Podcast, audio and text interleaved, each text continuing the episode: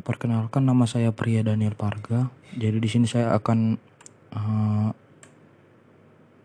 menjelaskan atau menjawab dari tugas kewarganegaraan mengenai bagaimana cara meredam kegaduhan dalam demokrasi di Indonesia. Jadi um, tugas ini diberikan oleh dosen yaitu Pak Miftaudin dan saya akan mencoba menjawab. Nah, uh, bagaimana cara meredam kegaduhan dalam demokrasi di Indonesia. Demokrasi dipandang sebagai sesuatu yang penting karena nilai-nilai yang dikandungnya sangat diperlukan sebagai acuan untuk menata kehidupan berbangsa dan bernegara yang baik. Demokrasi juga merupakan alat yang dapat digunakan untuk mewujudkan kebaikan bersama atau masyarakat dan pemerintah yang baik. Kebaikan dari sistem demokrasi ini adalah kekuasaan pemerintah berasal dari rakyat, baik secara langsung maupun perwakilan Secara teoritis, peluang terlaksananya partisipasi politik dan partisipasi warga negara dari seluruh lapisan masyarakat terbuka lebar. Eh, masyarakat juga dapat melakukan kontrol sosial terhadap pelaksanaan pemerintah karena posisi masyarakat ini adalah sebagai pemegang kedaulatan tertinggi.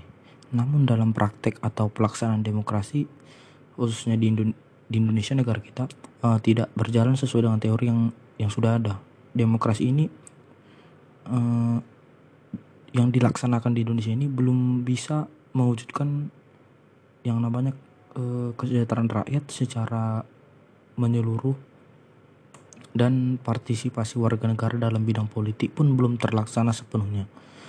Hmm, untuk memaparkan lebih lanjut permasalahan demokrasi yang ada di perlu dikelompokkan lagi menjadi beberapa hal mulai dari segi teknis atau prosedur, etika politik, serta sistem demokrasi secara keseluruhan.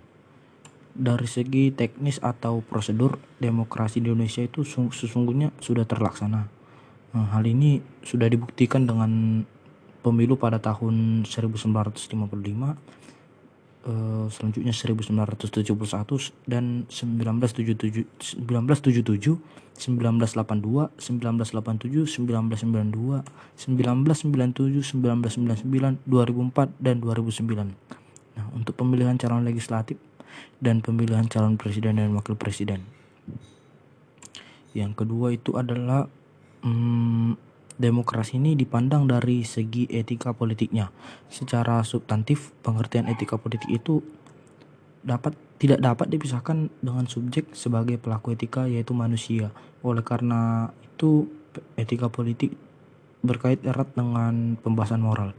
Berdasarkan kenyataan bahwa pengertian moral senantiasa yang menunjukkan kepada manusia sebagai subjek etika eh, dalam konteks politik bergerak dalam konteks politik hal ini berkaitan erat dengan masyarakat bangsa dan negara. Etika politik ini tetap meletakkan dasar fundamental manusia sebagai manusia dan untuk mengatasi problem atau masalah seperti itu kita juga kita juga perlu membutuhkan seorang pemimpin yang tidak hanya bijak dan piawai dalam menyelesaikan segala permasalahan yang terkait dengan demokrasi tetapi juga adil dan jujur.